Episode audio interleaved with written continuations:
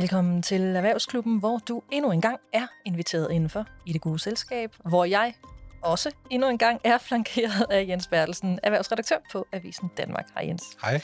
Jeg hedder Anne-Marie Lindholm, og uha, kan man godt sige. Øh, sikke en uge. Det er blevet ny regering, og torsdag, hvor vi jo står og optager her om formiddagen, der er ministerposterne også netop blevet fordelt. Øh, jeg ramser bare lige lidt op. Jakob Ellemann, vicestatsminister og forsvarsminister. Lars Løkke er ny udenrigsminister. Den, jeg ved godt, at alle havde spået det, men derfor overrasker det mig alligevel. Erhvervsminister Morten Bødskov, og så har vi en række nye ministre, som der jo faktisk fik dig, for vi sidder lige over for hinanden, Jens, til daglig, og det fik dig til at tale lidt højere, end, øh, end du plejer. Hvem, hvem var det? Ej, jeg vil lige starte med at sige, at altså, jeg holder øje med erhvervsministeren, fordi det er sådan en, vi altid skal ud og lave interview med, og oh, ja, det jo så Morten Bødskov, og det er jo sådan en god dreven, øh, erfaren øh, minister, også øh, øh, i stedet for Simon Kollerup, som vi, vi tit har talt med. Øh, og ja, det kan være, at jeg gør ham uret, men det er altså ikke sådan, at blodet det ruller i årene ved Morten Bødskov som, som erhvervsminister. Men det er rigtigt nok, da jeg så kom af der nederst på listen og så, at øh, Lars Ågård er ny øh, klima-, energi- og forsyningsminister, der, der øh, kunne jeg pludselig mærke sved på panden, at øh, det synes jeg er spændende, fordi det er den gamle direktør i, i Dansk Energi igennem 15 år, hvor han var sådan en meget øh, synlig øh, energilobbyist, og vi kender ham også, fordi han har skrevet rigtig mange klummer i Avisen Danmark, hvor han jo har sådan virkelig slået på politisk handling og været meget konkret med forslag til, hvordan øh, Danmark sådan hurtigere øh, kommer igennem den grønne omstilling. Øh, så det kan jo gå flere veje med ham i et ministerium, kan man sige. Men jeg er faktisk oprigtig spændt på, hvad han kan med... Altså, han ved jo meget om emnet, han har et godt netværk, og vi kan også håbe, at han har god politisk tæft til at udføre det her. Og så en tredje, som jeg også lige lagde mærke til, det var så Christina Elund som ny øh, uddannelses- og, og forskningsminister. Altså hun var jo øh, en, en, en virkelig stor profil i, i Liberale Alliance, da hun var øh, MF'er for, for dem. Øh, også sådan en politiker, politiker, der har haft et almindeligt arbejde og, og været selvstændig, inden hun gik ind i politik. Øh, så det der er der rigtig mange, der, der kan huske hende for at godt kunne lide. Så altså i spidsen for forskning og udvikling, så kan det også godt blive spændende.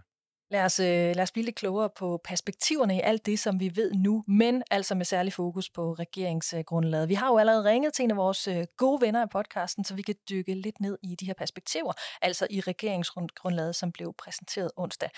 Med os har vi Frank Hvid, der er økonomisk kommentator og stifter af Early Bird Research and Education. Hej Frank. Hej så. Ja, det er øh, heldigt for os, at du er, du er med os. Du er jo egentlig også øh, medlem af Socialdemokratiet, men det er altså ikke derfor, vi har dig med, øh, og vi afholder os jo øvrigt også for at diskutere de her politiske værdisæt, som der jo også toner frem mm. i det her øh, regeringsgrundlag. Er der nogle af de, fordi det har Jens og jeg jo lige stået og talt om, er der nogle af de her ministre, der er blevet præsenteret, som du synes ser særlig spændende ud? Åh, oh, det var et, øh, det var et revolverspørgsmål der. øh, Ja, men der er jo nogle af dem, som ikke, som ikke er politikere, som kommer udefra. Lars Ågaard, for eksempel på, øh, på energisiden. Ikke? Det er jo altid øh, interessant, øh, og han ved en masse om, om sit område. Øh, det er jo altid spændende. Ja. Øh, ja. Christina Elund, som øh, har arbejdet i Dansk Industri. Ja. Øh, det samme. Ja, det, hvad de kan byde, øh, byde ind med. Det er sjovt, som I to I er frygtelig enige. Det var præcis det, du sagde, øhm, men jeg vil egentlig også gerne høre begge to, altså hvad I synes, der er nogle af de her mest opsigtsvækkende tiltag i regeringsgrundlaget, altså som kommer til at betyde noget for dansk økonomi og, og så for erhvervslivet. Jens, hvad, hvad tænker du her? Jamen det er jo, at det, det ligner jo en reformregering, vi har fået. Altså sådan en, der virkelig kan få gennemført nogle store ting, fordi den har det her flertal øh, bag sig, øh, sådan helt usædvanligt for, for danske regeringer. Øh, og virksomhederne har jo virkelig kørt hårdt på behovet for at, at øge arbejdsudbuddet i Danmark. Og det er lige meget, om det er ingeniører, eller sosu-assistenter, eller ufaglærte fabriksarbejdere, jamen så kan vi bare se, at dem kommer vi, dem kommer vi til at mangle. Også selvom vi står sådan i en aktuel krise, der, der vil øge arbejdsløsheden, så, så vil der på den lange bane virkelig være brug for, for arbejdskraft øh, nok i, i Danmark. Og det, det er jo ikke sådan, fordi det fyldte super meget i, i valgkampen, selvom erhvervslivet virkelig prøvede, men altså, den nye regering har altså helt styr på, at det her er et problem, og de har jo mm. så lovet at skaffe de her 45.000 ekstra par hænder inden 2030. Øh, og det hjælper jo så også lidt på, på rejsen, at vi sløjfer Store Bededag som en fridag, uden at vi Lad får mere, nu se, Jens. mere i løn af den grund. Men, øh, men øh, der er også skattelettelser, der skal gøre det mere attraktivt at, at arbejde. Så. Er, er der noget, øh, er, der, er, er du enig, Frank? Er, hvad, eller, eller hvad tænker du, der, der er det mest opsigtsvækkende? Ja, men altså, der er jo det mest opsigtsvækkende for, kan man sige, for danskerne, eller for Danmark, og så er det det mest opsigtsvækkende måske øh, for erhvervslivet. Jeg tror, man kan dele op der. Øh, og når jeg kigger på det, så synes jeg, at øh, noget af det mest spændende og, og jeg ved ikke, om man kan sige opsigtsvækkende, fordi vi har snakket om det en del år, men det er jo, fordi vi prøver at gøre ved de 45.000 unge, som står udenfor. Mm. Øh, som hverken har en uddannelse, eller, eller i gang med en uddannelse, eller øh, ja, er i gang med noget som helst, og også øh, heller ikke er inde på, på jobmarkedet. Øh, og det kan jeg jo bare se her lokalt i Roskilde, hvor jeg bor, øh, forholdsvis velstillet kommune. Jeg tror, det seneste tal for vores kommune, det er 18 procent af en overgang, af en ungdomsårgang, De står simpelthen udenfor og er ikke rigtig noget i gang. Øh, helt frem til de faktisk er, man måler på dem frem til de 25 år. Øh, og det er det, regeringen i regeringsgrundlaget siger, at dem, dem skal vi simpelthen gøre noget mere for at få ind i fællesskabet. Øh, snakker noget om nogle trepartsaftaler, øh, så det bliver meget interessant, synes jeg. Hvad vil man gøre ved det her? Fordi det er en hård nød at knække, som øh, mange har prøvet i, i mange år. Ja, for det er jo klart det her med de 45.000 unge. Det er selvfølgelig en stor del af, eller i hvert fald det udgør en, en, en, øh, en, en klar øh, ja, udfordring øh, i forhold til arbejdsudbuddet. Men med det, vi ved, nu er du også inde på det her, altså kan det, vi ved, så rykke ved de udfordringer, som Danmark står med, altså i forhold til arbejdsudbuddet? Ja, det kan det godt, øh, men, men der, der er et par ting, man kan sige. Øh, der er mange af de ting, som er nævnt her øh, i regeringsgrundlaget, det er jo ikke nye ting. Mm. Det er jo, øh, så man kan sige, der er masser, vi har snakket om det i mange år, mange regeringer har vi gerne vil gøre noget ved det. Øh, men det er ikke rigtig øh, kommet videre. Og øh, så kan man selvfølgelig håbe på, at øh, nu der er, er der ekstra øh, kraft bag, fordi nu er det en flertalsregering, og øh, nu er mangel på arbejdskraft øh, endnu mere tydelig, end den var for nogle år siden. Så øh, måske at man også kan, kan få andre partier med på at få lavet nogle af de ting her.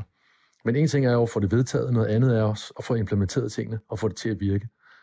Og der er jo stor uenighed blandt økonomer omkring om nogle af de ting, som er med i regeringsgrundlaget.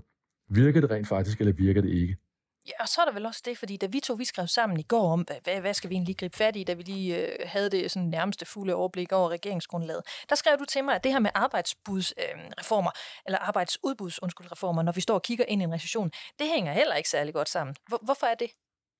Jamen, det er der i hvert fald nogle kritikere, der siger, og det vil især være, være venstrefløjen og dem, som nu er blevet braget af, af Mette Frederiksen, øh, altså enhedslisten, SF, øh, Alternativet de vil jo sige, jamen prøv lige at høre, øh, nu vender du dig mod højre, du laver arbejdsudbudsreformer, som typisk er noget, som højrefløjen godt kan lide, og du gør det på vej ind i en lavkonjunktur. Det er helt, øh, det er helt kunat. Øh, det er det, de vil fremhæve, og de vil blandt andet jo, og det har de allerede gjort, jo fremhæve, at vismændene jo regner med til næste år, at der kommer 100.000 flere danskere, som bliver arbejdsløse. Så hvorfor er det, at vi øh, bruger en masse krudt på lige nu at lave arbejdsudbudsreformer. Vi kan øh, ret hurtigt stå med det modsatte problem, at, øh, at danskerne står faktisk. Øh, der er en masse danskere, der står uden arbejde. Mm-hmm. Okay. Hvad så, når det kommer til finansieringen, altså nogle af de her reformer, de har været inde på? Er, det, er der noget i det her, som, som du har bidt mærke i, Frank? Jamen igen må man sige, at, at vi... Øh, tankesættet i den regering, der er nedsat nu, er jo et tankesæt, som øh, har præget regeringer øh, før. Altså, at vi skal, hvis vi skal lave nogle reformer, øh, og vi vil gerne vil, vil gøre nogle ting, som, øh, som koster noget, jamen så skal vi have de reformer her, hvor vi får nogle flere til at, at arbejde. Øh, og så er det det tankesæt, som ligger i Finansministeriet, det har ligget der i mange år, og det har både været borgerlige og socialdemokratiske regeringer, som ligger, har ligget under for den tanke, øh, tanke, helt det tankesæt. Og det er især venstrefløjen. Øh, vi vil se Pelle Dragsted fra Enhedslisten, en meget, meget dygtig øh, økonom, som vil øh, betvivle, at øh, kan det virkelig være rigtigt, øh, den måde, vi regner på. Og vi hele tiden siger, at vi kan kun lave, vi kan kun få nogle øh, penge fri til at lave nogle, øh, til at lave nogle spændende ting, hvis vi øh, får flere ud og arbejde vi laver de her arbejdsudbudsreformer. Kunne vi ikke lave nogle andre ting, øh, gøre nogle andre tiltag? Det er det samme håndtag, I trækker i hele tiden. Altså, vi har også talt en hel masse om øh, inflation de sidste mange måneder. Er der noget i det her, som du ser det, der kan puste til inflationen? Altså, vi ser jo rent faktisk skattelettelser, øget fradrag og så videre. Ja, altså der, der, der er jo nogle tiltag, hvor der bliver øh, sendt nogle penge ud, og det er jo klart, at øh, flere penge ud i samfundet lige nu, ja, det vil være med til at, at puste til den inflation, øh, som er et problem, øh, selvom vi regner med, at den, den vil falde kraftigt i, øh, i 2023. Så er der også nogle ting, som ikke er rigtig udmyndtet nu, og som er lidt mere ukonkrete, og det er blandt andet den her inflationspakke, man vil komme meget mere specifikt ind på øh, i januar. Og der bliver det selvfølgelig spændende at se, jamen, hvor mange penge øh, drejer det sig om. Øh, de indikationer, der er i regeringsgrundlaget, der er det ikke så store beløb, som man tænker, okay, det, øh, det er noget, der vildt kan vælte læset. Det, jeg tror, der bliver den største udfordring, øh, det bliver forventningsafstemningen med de offentlige ansatte omkring deres lønstigninger. Hvad kan de få ekstra i posen?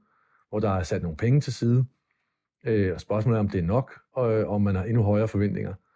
Fordi at, øh, deres reallønninger er så blevet undergravet markant af meget beskedende lønstigninger og meget, meget høj inflation. Så de har set der, deres realløn i øh, 2022 være mere negativ, end vi nogensinde har set siden øh, helt tilbage til, jeg mener, det er 1950'erne, vi skal tilbage til for at se et tilsvarende chok.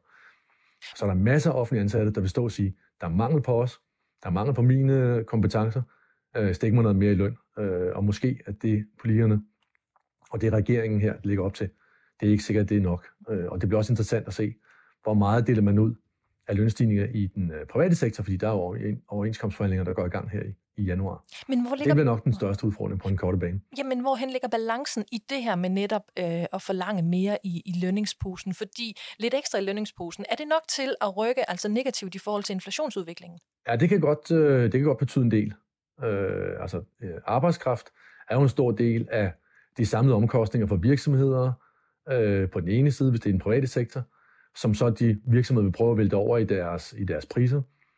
Og i den offentlige sektor, jamen der vil store lønstigninger jo i hvert fald give anledning til, at der er en masse, altså vi har 800.000 offentlige ansatte, at de, hvis de får meget mere i lønningsposen, jamen så har de også meget mere at købe for, og så vil det også gøre det endnu sværere at, øh, at dæmpe inflationen. Så der er lidt øh, afhængig om vi snakker den private sektor, den offentlige sektor. Der er både en, en udbudsside og en efterspørgselsside her, og der kan sagtens øh, puste til det her. Det er det, man frygter, og det er det, alle kigger på over hele Europa det er, hvad sker der med, øh, med lønforhandlinger? Er der nogen som helst tegn på lønglidning? Og vi sætter sådan en lønprisspiral i gang her. Det er det, alle er opmærksom på. Og det er også det, vi skal kigge efter i Danmark her. Okay, der bliver rigeligt at tale om, også i 2023. Øhm, for nu, Frank Hvid, så vil jeg bare sige tusind tak, fordi du er med her i Erhvervsklubben. Selv tak. Som en øh, del af afslutningen på hvidvaskskandalen, så har Danske Bank øh, indgået et forlig øh, med det amerikanske børstilsyn Securities and Exchange Commission. En afslutning, som har resulteret i en samlet bøde på 2,06 milliarder dollars, så det svarer altså til 15,3 milliarder kroner. Med os har vi nu heldigvis Per Hansen, der er investeringsøkonom hos Nordnet. Hej Per. Hej igen. Godmorgen. Jens, vi spiller dig ind først, fordi selve beløbet her, det er vi jo egentlig ikke super overrasket over, fordi vi har kendt det i hvert fald i, i det lav. Det har vi kendt i noget tid. Men alligevel så er der flere ting i det her forlig, der har fået os til at løfte øjenbrynene. Først og fremmest ifølge det amerikanske børstilsyn, så ville det Danske Bank investorerne i forbindelse med hvidvaskskandalen i bankens afdeling i Estland. Hvordan gjorde de det?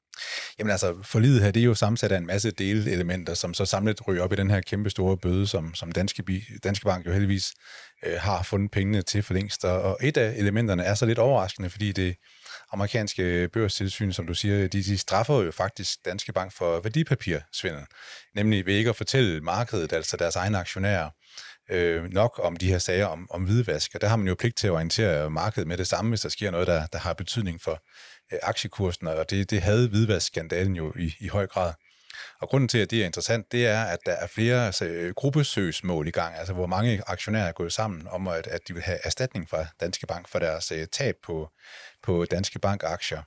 Og det har banken så faktisk øh, afvist og sagt, altså, at vi samarbejder med, med myndighederne om at finde en bøde for det, vi har gjort. Men øh, aktionærer, der har tabt penge, dem kan vi ikke øh, hjælpe, og dem går vi altså til øh, modangreb på ved, ved domstolene. Og der ser det så ud til, at øh, med det, der ligger nu, at øh, så har de aktionærer altså lige fået nogle øh, ret stærke kort på hånden, fordi de amerikanske myndigheder med alt deres øh, pondus øh, ligesom har afgjort, at, at Danske Bank ikke har orienteret markedet øh, korrekt, og, og den, øh, den bøde, de har fået for det, den har Danske Bank jo accepteret. Og er det det, der overrasker dig mest? Jamen, der, altså, der er mange, der har haft travlt med at sige, at nu er hvidvaskskandalen så øh, slut for Danske Bank, og regnestykket der er gjort op, øh, og det er det jo også i stor udstrækning. Men øh, de her øh, bøder, øh, det, de her retssager, der kommer til at køre nu, de har så lige fået lidt, lidt ekstra energi. Hvad siger du, Per? Altså nu, du har sikkert også læst det her forlig øh, igennem. Altså er der noget, der overrasker dig? Nej, det er det ikke. Øh, jeg tror, man skal huske på, at når de amerikanske myndigheder de kommer ind i noget, så giver de den altså godt med gas. De øh, kommunikerer jo i offentlighedens interesse. De lægger ikke fingre imellem. Så det her, det er jo et vidnesbyrd om, at de gerne vil signalere, at de er gået hårdt til stålet. For investorerne, der er man nødt til at sige, at øh, selvom Jens han siger, at det her det kører lidt videre, og nu skal man se at finde ud af, om Danske Bank har vildledt investorerne, om det eventuelt kan føre til noget, der har vi ikke særlig god præcedens. Vi har ingen retspraksis i Danmark, der sådan gør øh, mig på investorernes vegne meget overbevist om, at det her det vil føre til noget. Det er helt naturligt, at der er nogen, der forsøger at lave sådan en gruppesøgsmål. Det er også helt naturligt, at de forsøger at sige, at de har fået lidt mere medvind. Jeg er meget skeptisk overfor, om det vil føre til noget. Men beløbene er som forventningsstyret. Det er nogle gange, som det er. Der er begået mange fortrædeligheder. Der har været svigt. Øh, men for de investorerne, jamen der er det øh, overvejende det vigtige, at man forsøger i hvert fald at sætte det store punktum, om der så kommer nogle flere hen ad vejen, det ved jeg ikke. Men det er vigtigt at komme videre, og de størrelser, der ligger på bordet nu, det er også dem, der har været forventningsstyret de sidste 12 måneder. Altså jeg tænker jo, tid er en faktor i det her, ikke? Og, og for mange så kan den her sag jo øhm, allerede føles tusse gammel, ikke? Altså man kan sagtens stå og så tænke, at må ikke Danske Bank er en, en anden bank, end øh, den de var den her gang. Er det jeres vurdering, altså den her sag, øhm, og i det I nævner her jo i øvrigt, er der noget, der kan ramme Danske Bank yderligere, end det allerede har gjort, altså i forhold til ryger, rygte, brand og, og så videre? Hvad, hvad, hvad siger du, Jens? Altså, Danske Bank ligger jo stadigvæk og ruder langt nede i image-målingerne, og der er bare ikke nogen øh, nem vej tilbage efter det, de har, har gjort. Mm. Men altså, de er jo ved at røre på sig, og de laver reklamekampagner og den slags, den slags, som jo har ligget fuldstændig stille, fordi de kunne bare se, at folk de tænkte jo bare øh, hvidvask, hvis man så et øh, dansk øh, Bank-logo. Øh, så, så der er de jo på vej øh, videre, og, og jeg tror ikke, der vil jeg da så give Per ret, jeg tror ikke, at det kommer til fuldstændig at sætte dagsordenen, at der er, er de her sure aktionærer, der, der vil holde fast i at, og sagsøge Danske Bank i, i mange år fremover. Og hvad tænker du, Per? Altså nu er der sat et uh, punktum, men, men uh, har, er der noget i det her, der, der rammer Danske Bank yderligere? I en reklame for en dansk varemærkeost, så hedder det vist nok nogenlunde, ting tager tid. Og øh, underforstået, det er jo, at man skal arbejde med ting, når det drejer sig om image, øh, så handler det om noget, man skal gøre sig fortjent til. Ingenting kommer ingenting, som Robert Storm Petersen er citeret for at sige, undtaget lommeul. Og det her, det tager altså tid. Det vil være resultatet af hårdt arbejde at få Danske Bank tilbage øh, til en situation, hvor de som det naturlige kan være en af flere, der bliver tilvalgt, når kunder, erhvervsvirksomheder, private, private investorer og private øh, kunder øh, skal vælge en øh, bank, en investeringsbank eller en finansiel samarbejdspartner til. Så man må sige, altså det her, det er ikke noget, der forsvinder overnight. Øh, den her sag har jo kørt i alt for mange år. Der er begået øh, noget, som ikke burde være begået. Og det kommer altså til at tage tid, det er jeg helt enig med Jens i. Jeg tror ikke, der findes andre end dig, øh, Per, som kan lave en ostreference i en snak om Danske Bank, og så få det til at fungere så elegant. Øhm, hvis ikke jeg husker skævt, så er det en, øh, er det en klogbogost, der tager den tid, som en klovbås nu skal tage. Jeg ved ikke, om man må give reklame, men det kunne, det kunne det jo være. ja, det kunne det eventuelt. Nå, men, men øh, du skrev en mail til mig, jeg mener, det, var, det må næsten have været i morges, om at nu har Danske Bank været ude på, på opkøb, vel i virkeligheden et øjeblik, at sagen her bliver afsluttet. Altså, hvad er det egentlig, Danske Bank har foretaget sig? Har de ikke været ude på opkøb. De er ude på at lave en oppræcisering af deres 2023 forventninger. Og samtidig så har de jo også sådan lige flyttet 2022 forventningerne med 200 millioner kroner i den rigtige retning. Det skal man dog ikke efter min mening lægge så meget i, og det er fordi de 200 millioner kroner, de stammer fra, at hensættelsen til den samlede sanktion med hensyn til hvidværdssagen var 15.5, og nu bliver det 15,3, og derfor så fremkommer der en positiv afvielse på 200 millioner. Der vil sikkert være dem, som er lidt skuffet over, at Danske Bank ikke ligesom andre større danske banker, og end de ikke kommer helt op i Danske Banks kaliber, opjusterer forventningerne, fordi renterne stiger, rentemarginalen stiger og alle de her ting. Så det er måske sådan lidt den negative vinkel af det. Den positive vinkel, den synes jeg faktisk er kommet lidt under radaren. Og det er nemlig sådan, at Danske Bank øh, har i forbindelse med den meddelelse, de sendte ud for et par dage siden, understreget, at de holder fast i forventningerne om i 2023 at lave en egenkapitalforretning. Og det er det helt afgørende og helt centrale begreb, når vi kigger på øh, banker egenkapitalforretning på 8,5-9 procent, men nu i den øvre ende. Danske Bank havde ikke haft behov for at sige allerede nu, at de vil præcisere det. i den øvre ende. Og for mig, der fortæller det en historie om, at Danske Bank er meget komfortabel med, at de nu er på vej til øh, noget, der er bedre snarere end noget, der er ringere. Så jeg vil tro, at Danske Bank tager udgangspunkt i, at deres, de er ret komfortable med deres kreditbog. De ser et fornuftigt forretningsomfang.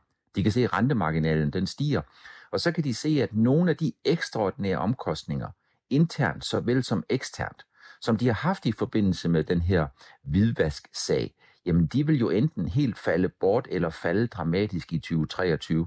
Så overordnet set, så synes jeg, at den her oppræcisering af 8,5-9% egenkapitalforretning i 2023, hvor, der, hvor vi jo ikke er begyndt på 2023 igen, det vidner om, at Danske Bank nu er meget sikre på, at de kan nå det, de tidligere har meldt ud, og måske også en lille smule mere, fordi konsekvensen af, hvis Danske Bank i løbet af 2023 skal meddele, at de når måske ikke helt det, som de så oppræciserede i slutningen af 2022, den vil altså være tab af investeringstroværdighed, og det er det eneste, som Danske Bank skal undgå nu, når det drejer sig om investorerne. Men Per, det, per, det er jo også ude, at, øh, at Carsten Egeris, øh, topchefen og finansdirektøren, og også deres øh, tyske bestyrelsesformand Martin Blessing, nu har været ude og købe Danske Bank aktier for deres egen penge. Hvad, hvad skal vi ligge i det? Jamen, vi skal ligge flere ting.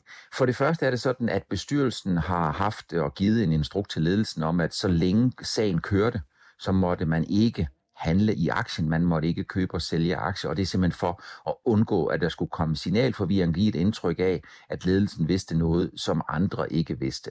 Det er den første ting.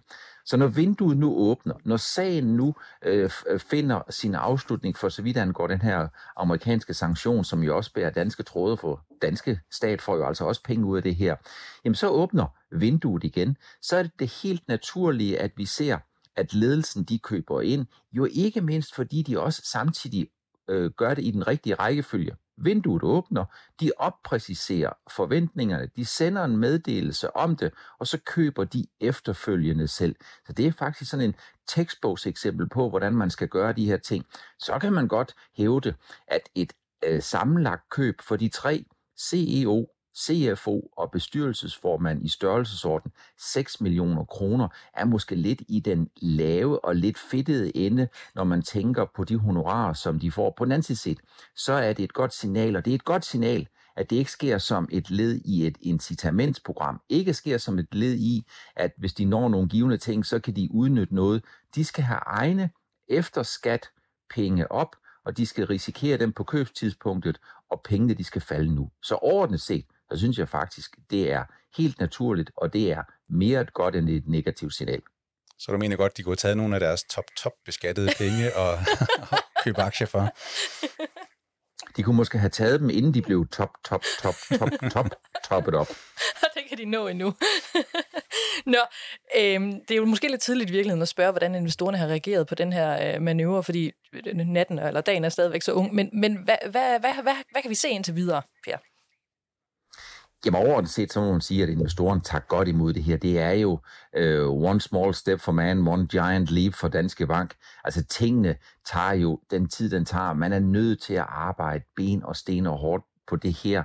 Og hvis det var sådan, at investorerne allerede nu havde stor tillid til at turde købe ind på, at de i 2023 kan ramme ni eller måske endda flere afkastprocenter for egenkapitalforretning, så vil vi allerede nu se, at prisfastsættelsen af danske bankaktier, den vil ligge meget tættere på den bogførte egenkapital og indre værdi, som jo er de to ting, der hænger uløseligt sammen, når vi snakker om bankaktier, nemlig afkast af egenkapitalen og egenkapitalens forretning og kurs indre værdi. Jo højere egenkapitalforretning, jo højere kurs indre værdi. Så man må sige indtil videre en positiv afmålt Kursreaction. Vi iler videre, fordi i den her uge, der bliver vi ramt af, synes vi i hvert fald, øh, øh Jens og jeg, øh, en gigantisk overraskelse, fordi mandag morgen, der breakede nyheden om, at øh, Novozymes og Christian Hansen, de vil fusionere. Der er så to spillere i øh, C25-indekset, som jo kan komme til at udgøre noget af en gigant, hvis den her fusion vel og mærke bliver godkendt af konkurrencemyndighederne.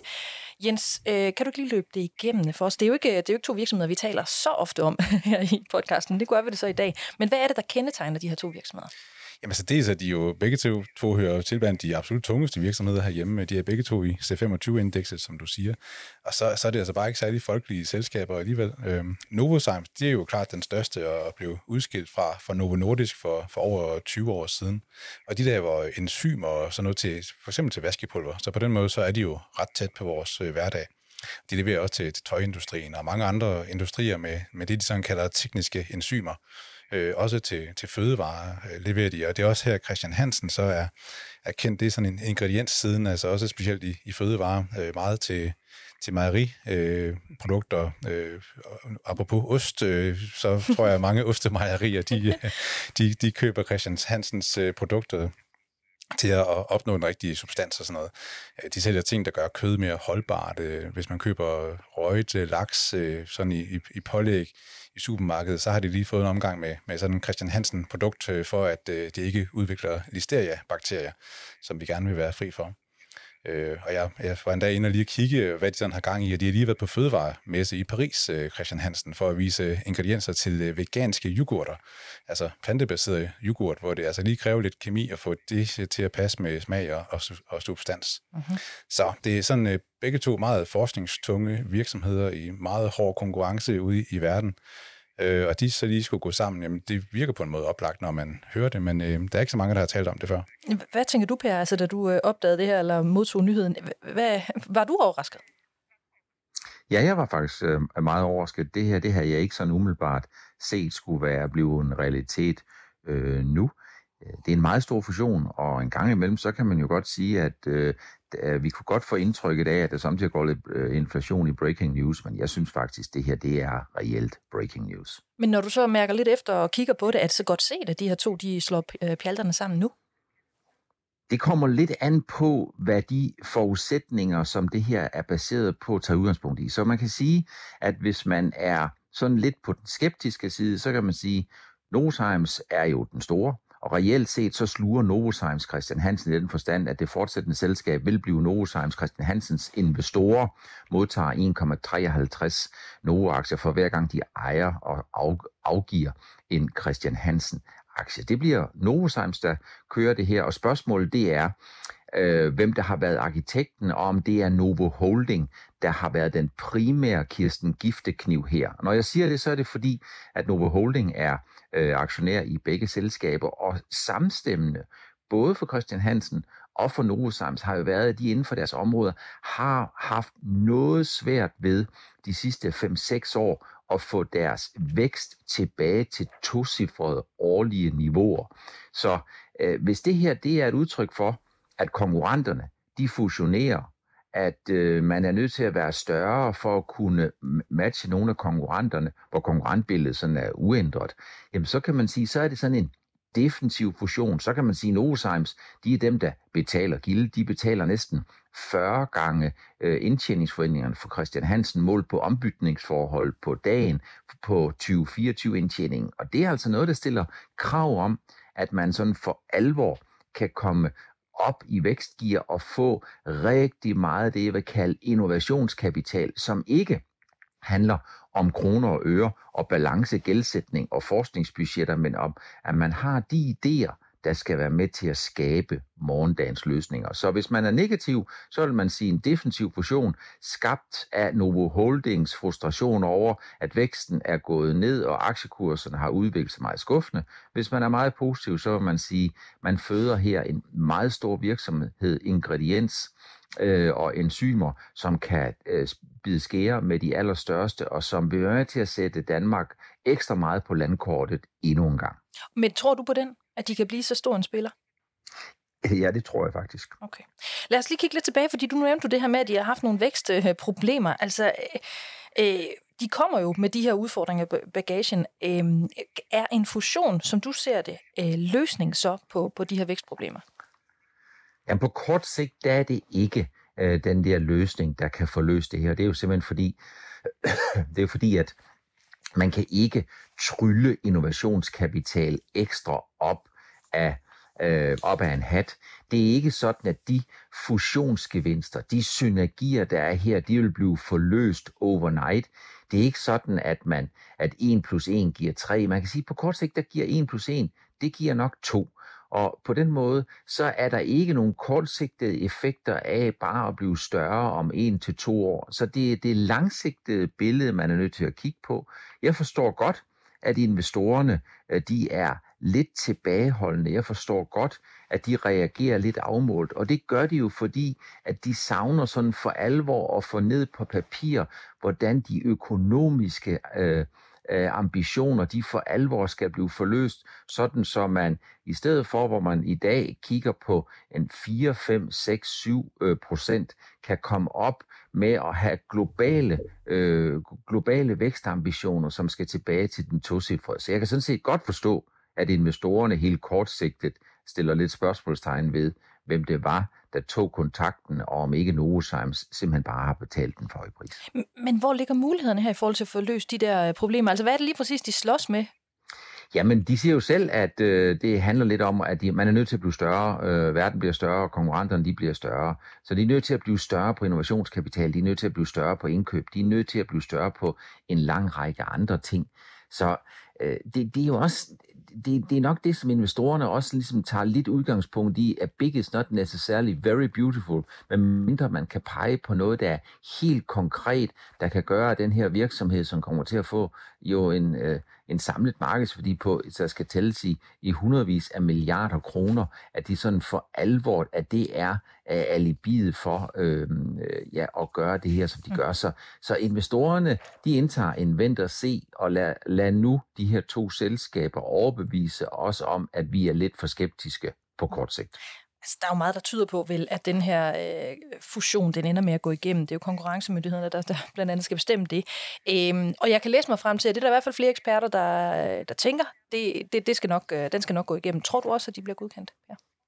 Ja, det tror jeg, og det er fordi, at når vi snakker om den her ingrediensindustri, når vi snakker om Novozymes og Christian Hansen, jamen så har de jo den globale markedsplads, de har globale kunder, de har globale konkurrenter, og de bliver benchmarket af globale og internationale investorer. Så hovedordet her, fællesnævneren her, den er global, og øh, det er ikke sådan, at, at Novozymes og Christian Hansen vil komme til øh, og opleve, at de inden for nogle segmenter får en så stor og dominerende position, så det vil give anledning til, at konkurrencemyndighederne de vil blokere det her. Det vil jeg altså være meget forbavset over, hvis det skulle ske. Per Hansen, investeringsøkonom hos Nordnet. Tusind tak, fordi du endnu en gang var med her i Erhvervsklubben.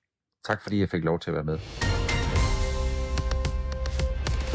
Nu skal vi tale om en erhvervshistorie, som øh, Jens og jeg har fyldt meget øh, nysgerrigt med i i de sidste, ja faktisk mange uger. Derfor har vi hævet en af vores øh, kollegaer fra Fyns Stiftstidende ind.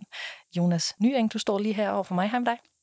Ja, jo tak. Tak fordi jeg måtte komme. Du er her jo, fordi du og en række af dine kollegaer på ja, Fyns Stifttidende, men også uh, sammen med et par kollegaer fra TV2 Fyn, har arbejdet med og udgivet en, uh, ja, en lang række historier efterhånden om konkursrytter. Lad os sige, det er den, uh, sådan over, uh, den uh, gennemgående overskrift for det her. Um, og der vil jeg gerne lige begynde med den historie, hvor det hele startede, nemlig en byggeskandale fra Fyn. Her har I jo kunne uh, afdække, hvordan det her det over 100 år gamle og meget anerkendte gulvfirma LH Gulve igennem en uh, årrække har brugt en bedrageridømt tysk byggebagmand ved navn Osman Selik som øh, underentreprenør på en øh, række større byggerier i Odense. Selvom direktør for LH Gulve, Dan Virkeløst Johansen, han var blevet advaret om, tyskeren og hans firmaer.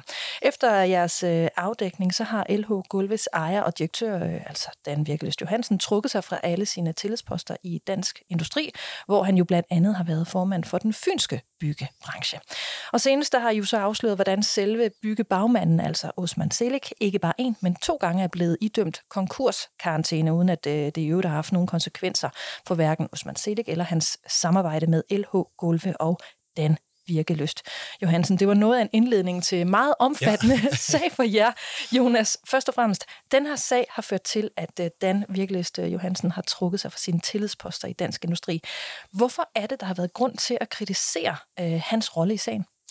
Jamen, hvis man sådan øh, går til kernen i sagen, så handler den egentlig om, hvorvidt det er okay, at et velrenommeret firma øh, med den her formand for den fynske byggebranche i spidsen, øh, kan ligesom frelægge sig ansvaret for, hvad der foregår af snyd og bedrag hos de firmaer, som han hyrer ind til forskellige opgaver. Øh, og som i den konkrete sag handler altså om massiv brug af sort arbejde, fusk med regnskaber og øh, en række konkurser, hvor øh, millioner øh, er forsvundet. Øhm, de, sikkert, altså, de fleste vil sikkert svare, nej, det er ikke okay, men sådan rent juridisk er der faktisk ikke så meget at komme efter. Øh, vi har ikke sådan nogle generelle regler om kædeansvar øh, i Danmark, hvor en overentreprenør kan gøres sådan juridisk ansvarligt øh, for, øh, hvad der måtte foregå af ulovligheder hos en underentreprenør.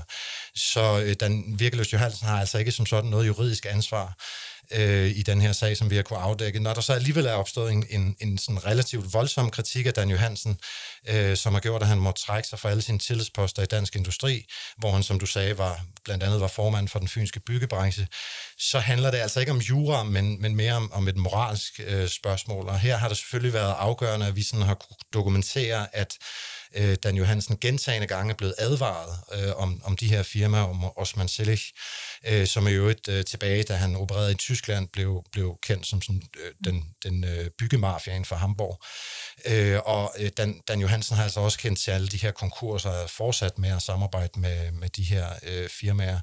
Øh, og det her sådan er hvad kan man sige, af gode grunde mødt kritik fra flere kanter, øh, ikke mindst fra de bygherrer, som har øh, hyret Dan Johansens firma, og som har endt med at få udført arbejde af Osman Selich, øh, fortrinsvis østeuropæiske ansatte, øh, som altså er blevet betalt sort, øh, og også har boet under, øh, under øh, kummerlige forhold. Ja. Hvad siger han selv?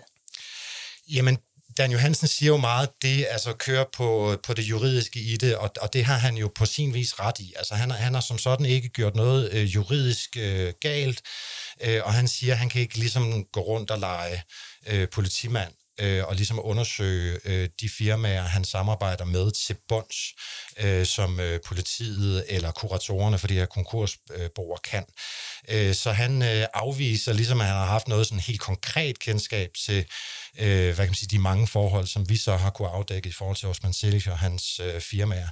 Øh, så peger han også på, at, øh, at, at 3F ligesom har indgået overenskomst med de her firmaer.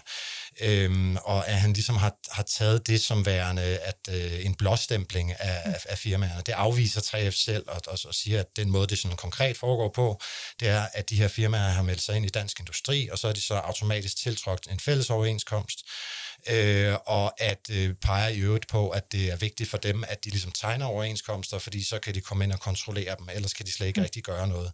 Så de afviser lidt øh, hans argumentation på den måde. Men, men rent juridisk er der ikke nogen tvivl om, at der må øh, Dan Johansen sådan set gerne agere, som, som han har ageret. Men hvis reglerne er, og juraen er, som du så siger, at det er her, hvor hen i alt det her er det så, at den virkelig Johansen, han skulle have sagt stop? Ja, Altså det, er, øh, det, det, det kan man jo, øh, altså det er jo, det er jo sådan lidt et personligt spørgsmål i forhold til, hvor, hvor ens øh, grænse går. Altså der, hvor man kunne sige, at han i hvert fald burde måske have undersøgt undersøgt tingene bedre, øh, det var jo, da han ikke bare en, ikke to, øh, og heller ikke tre øh, gange ligesom er blevet gjort opmærksom på, at der var nogle forhold, som man skulle være øh, opmærksom på øh, i Osman Selish øh, firmaer. Øh, og der kan man sige, øh, om han har, der har han ikke noget juridisk ansvar for at gå ind og undersøge øh, tingene, men man kunne godt anlægge det synspunkt, at når man har et velrenommeret øh, firma, øh, guldefirma, der opererer øh, overalt i Odense, mm. også andre steder i Danmark, at man så der i hvert fald, jeg tænker i hvert fald, det kunne være en god idé at, at undersøge, om, øh, om der var hold i noget af det, som han blev advaret omkring. Så lad os lige tale lidt om Erhvervsstyrelsen, fordi hvordan kan det ja. egentlig være, at de ikke har opdaget altså den her manøvre, som Osman uh, Silic han har praktiseret? Ja, hvis vi lige først øh, altså, forklarer lidt omkring selve manøvren, fordi det, der konkret sker, det er, at, at øh, vi har jo de her regler om konkurskarantæne i Danmark, og man kan blive idømt øh, konkurskarantæne, hvis man har udført det, man kalder groft uforsvarlig forretningsførelse, øh, som det hedder sådan helt, helt formelt. Øh, og der kan man komme i konkurskarantæne. Det betyder konkret, at man ikke må være direktør for et øh, kapitalselskab, hvor man ikke selv øh, hæfter personligt for gælden. Øh, og det er Osman Selic blevet idømt ikke bare en, men to gange. Det vil sige, at han, han øh, har fået en konkurskarantændom, dom, som egentlig øh, burde have betydet, at han ikke kunne stå i spidsen for, for sine selskaber, øh, men den er ikke slået igennem. Og, og det er simpelthen, øh, det drejer sig simpelthen øh, hen om, at han er, er figureret som to forskellige personer i CVR-registret, altså det her register over alle virksomheder i Danmark. Der er han figureret som to forskellige personer. Øh, og det har, det har han gjort, fordi han har ændret sin adresse i Hamburg, så øh, der er en Osman Selig, der bor et sted i Hamburg, og en anden Osman Selig, der bor et andet sted øh, i Hamburg. Og det gør altså, at den første konkurskarantæne, det er en lille smule kompliceret det her, men mm. øh, nu, jeg forsøger at forklare det så godt jeg kan. Men, men da han bliver idømt den første konkurskarantæne, så rammer den ligesom Osman Selig den første, øh, og så får han en konkurskarantæne mere, og den øh, rammer så også Martin den anden. På den anden adresse i Ja, Hamburg. på den anden adresse. Og det gør simpelthen, at der sker en fejl i Erhvervsstyrelsen, som de sig også har anerkendt, at der er sket, øh, og lige nu sidder, sidder de så og kigger nærmere på, om der er tale om en enkeltstående smutter eller et smuthul, fordi det er jo, det er jo selvfølgelig den store historie, hvis der er, er et egentlig smuthul øh, i kontrollen. Okay, det fornemmer jeg. Det bliver vi sikkert også klogere på ja. hen, ad, hen ad vejen, hvad, hvad der er op og ned der. Men i forbindelse med de her historier, der har jo også øh, ja, afdækket fundet ud af, at der findes en, en hemmelig liste, som jo kunne hjælpe virksomhedernes direktører, altså med at fravælge et samarbejde med en øh, konkursrytter, hvis den altså var offentlig. Hvad er det, vi ved om den her øh, liste, Jonas? Jamen, vi ved, at altså selve de regler, som jeg også øh, nævnte før omkring konkurskarantæne, blev indført øh, i 2014. Øh, og i forbindelse med, at man gjorde det, der var der øh, allerede dengang en øh, hæftig debat omkring, om øh, dem, der så blev idømt de her konkurskarantæner, som typisk var tre år, øh, hvor de som sagt ikke må stå i spidsen for kapitalselskaber, om, om den liste over øh, de her domme skulle være offentligt tilgængelig. Fordi at hvis den var det, så ville det heldigvis store, store flertal af lovlydige øh, virksomheder i Danmark kunne kigge på den her liste og ligesom gardere sig imod at samarbejde med de her personer på listen. Og det var der en hæftig debat omkring øh, dengang. Øh, summa summarum er, at listen er, øh, jeg, vil, nærmest sige, dybt hemmelig, fordi man kan ikke få at vide, øh, hvem der øh, står på, på selve listerne. Man kan godt få, øh, altså jeg kan som journalist godt få agtindsigt i selve kendelserne om konkurskarantæne, men så skal jeg jo vide, hvem jeg ligesom spørger til. Øh, så, så der findes ikke en offentligt tilgængelig øh, liste på den måde. Og det vi også ved, det var, at, at da man lavede de her regler, der regnede man med, at det ville være omkring 150-250 direktører, der hvert år ville blive idømt øh, konkurskarantæne. Og der må man bare sige, at virkeligheden har overgået øh, den vildeste fantasi, øh, som, som, som man havde blandt de eksperter, der vurderede det her oprindeligt, øh, så man i dag altså har en liste, der består af ikke mindre end øh, ja, over 4.100 direktører, der lige pt. er i konkurskarantæne i Danmark. Oh, vildt. Men hvad er argumentet? Altså det argument, øh, du bliver præsenteret for, i forhold til, hvorfor den her øh, liste, den skal forblive hemmelig. Ja, altså grundlæggende så handler det jo om en frygt øh, for øh, typer som mig, øh, for, for nu at sige det, som det er. Øh, en, en, en frygt for, for journalister, en frygt for pressen, en frygt for, at øh, vi sådan ligesom øh, uden yderligere overvejelser vil øh, lægge den her, øh, bare kopiere den her liste og lægge den ud til vores læsere, øh, så man ligesom kunne se, øh, hvem der var blevet idømt øh, konkurskarantæne. Og det er klart, at hvis, hvis vi ligesom som presse øh, valgte at gå til det på den måde, så ville det at, at blive idømt en sådan øh, konkurskarantæne på tre år jo vare øh, længere tid. Altså så ville det jo blive en sådan evig advarsel, fordi den, den liste ville man jo i så fald kunne finde øh, frem øh, mange år efter, øh, og så, så vil straffen ligesom ikke være øh, ja, den vil være hårdere, end hvad man reelt havde tiltænkt, at, øh, at den skulle være. Man kan sige modsat, så er der jo også dem, der fremfører argumentet om, at enhver øh, kan se, hvis en restauratør har fået en sur smiley, ligesom alle øh, med et par klik øh, med musen, kan finde frem til, hvilke virksomheder eller offentlige institutioner, der har fået et øh, påbud fra Arbejdstilsynet, mm. og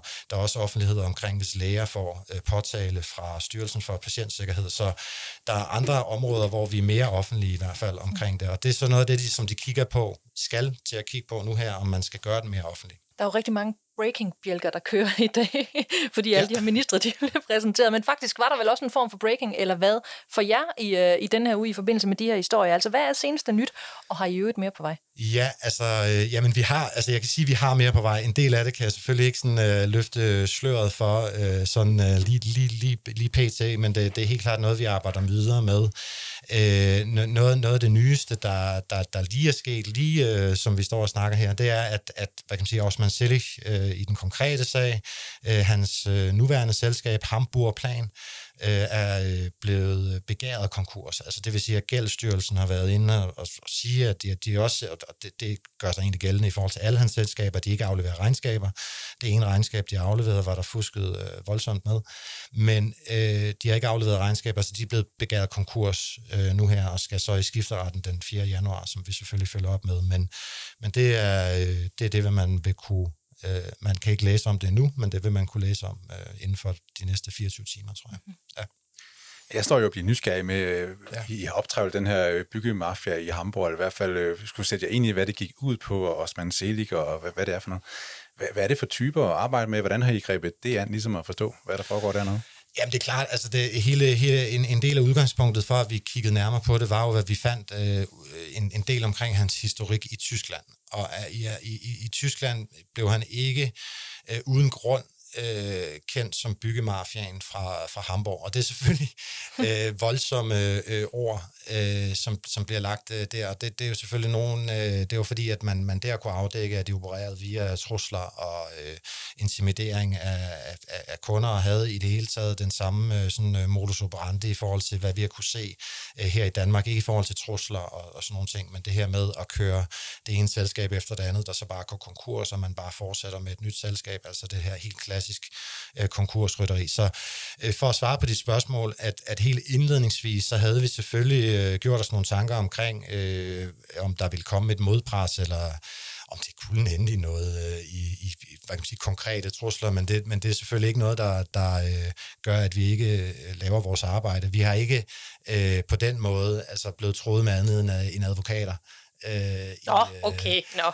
I, øh, i, den her, i den her sag, men, men, men der er ikke øh, øh, altså meget af det, som vi har, øh, altså det, det, det, det er jo klart, at, at når vi kører sådan nogle sager her, så sørger vi jo for, at vi har dokumenteret øh, sagerne, øh, så, så, øh, så der ikke er noget at, at komme med øh, efterfølgende, så, så øh, ja, så, så må der komme, hvad der kommer, men, øh, men vi har ikke mødt øh, noget, øh, nogle trusler eller, eller noget i, i, i den dur. Men det er klart, at det er et miljø, som man øh, skal være opmærksom på, øh, men som jo ikke skal øh, hvad man sige, påvirke den måde, man arbejder med det på.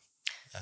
Jonas Nying, tusind tak, fordi ja, du kom her ind i podcasten og fortalte lidt om alt det kæmpe arbejde, I har gjort. Ja, tak for det.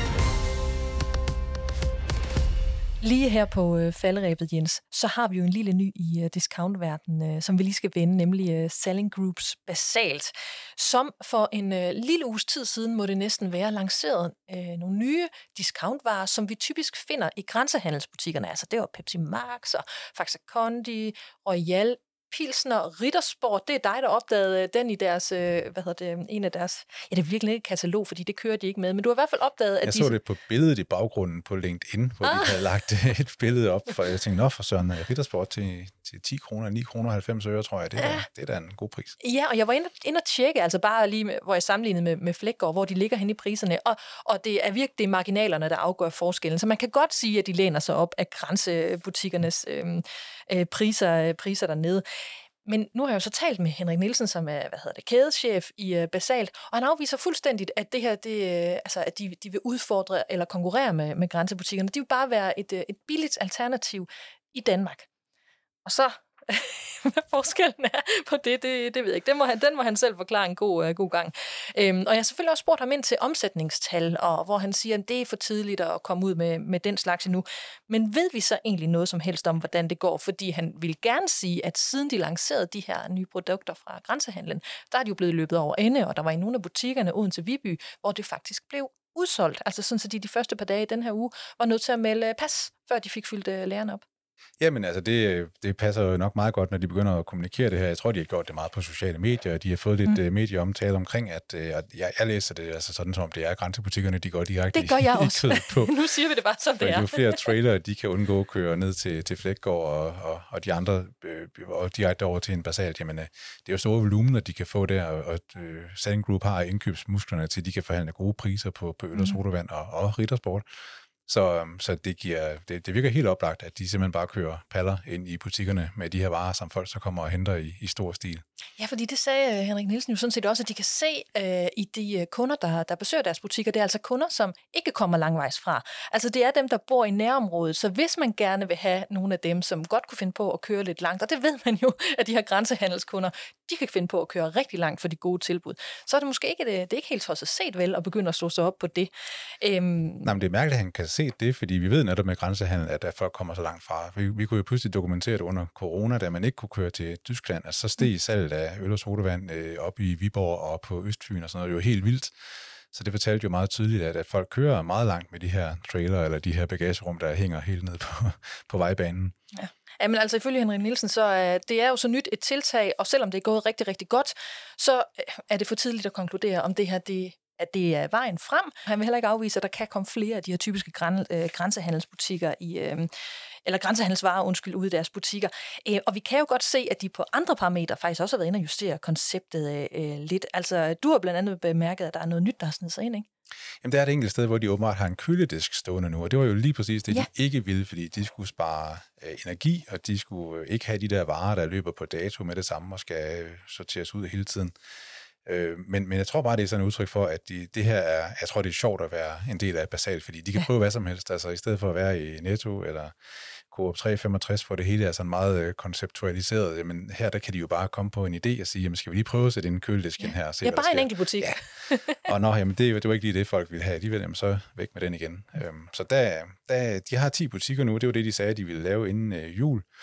Øh, og de har jo selv taget, de, de virker jo meget tilfredse med det, men øh, der skal man altid være lidt, øh, lidt skeptisk, øh, fordi det vil de jo nok altid sige lige indtil de så pludselig lukker det hele ned igen, fordi det ikke var noget. Men, men jeg tror faktisk, de har ramt øh, danskernes øh, hjerter på det helt rigtige tidspunkt. Åh, jeg skulle lige så sige, var det en nej-hat, der kom på der? Nej, altså det er jo, altså alle kan mærke øh, stigende priser, og går man så i, i basalt, jamen så oplever man sådan lidt, at jamen, priserne er, som de var i gamle dage, altså for et år siden. Og det, øh, det har et godt publikum lige nu.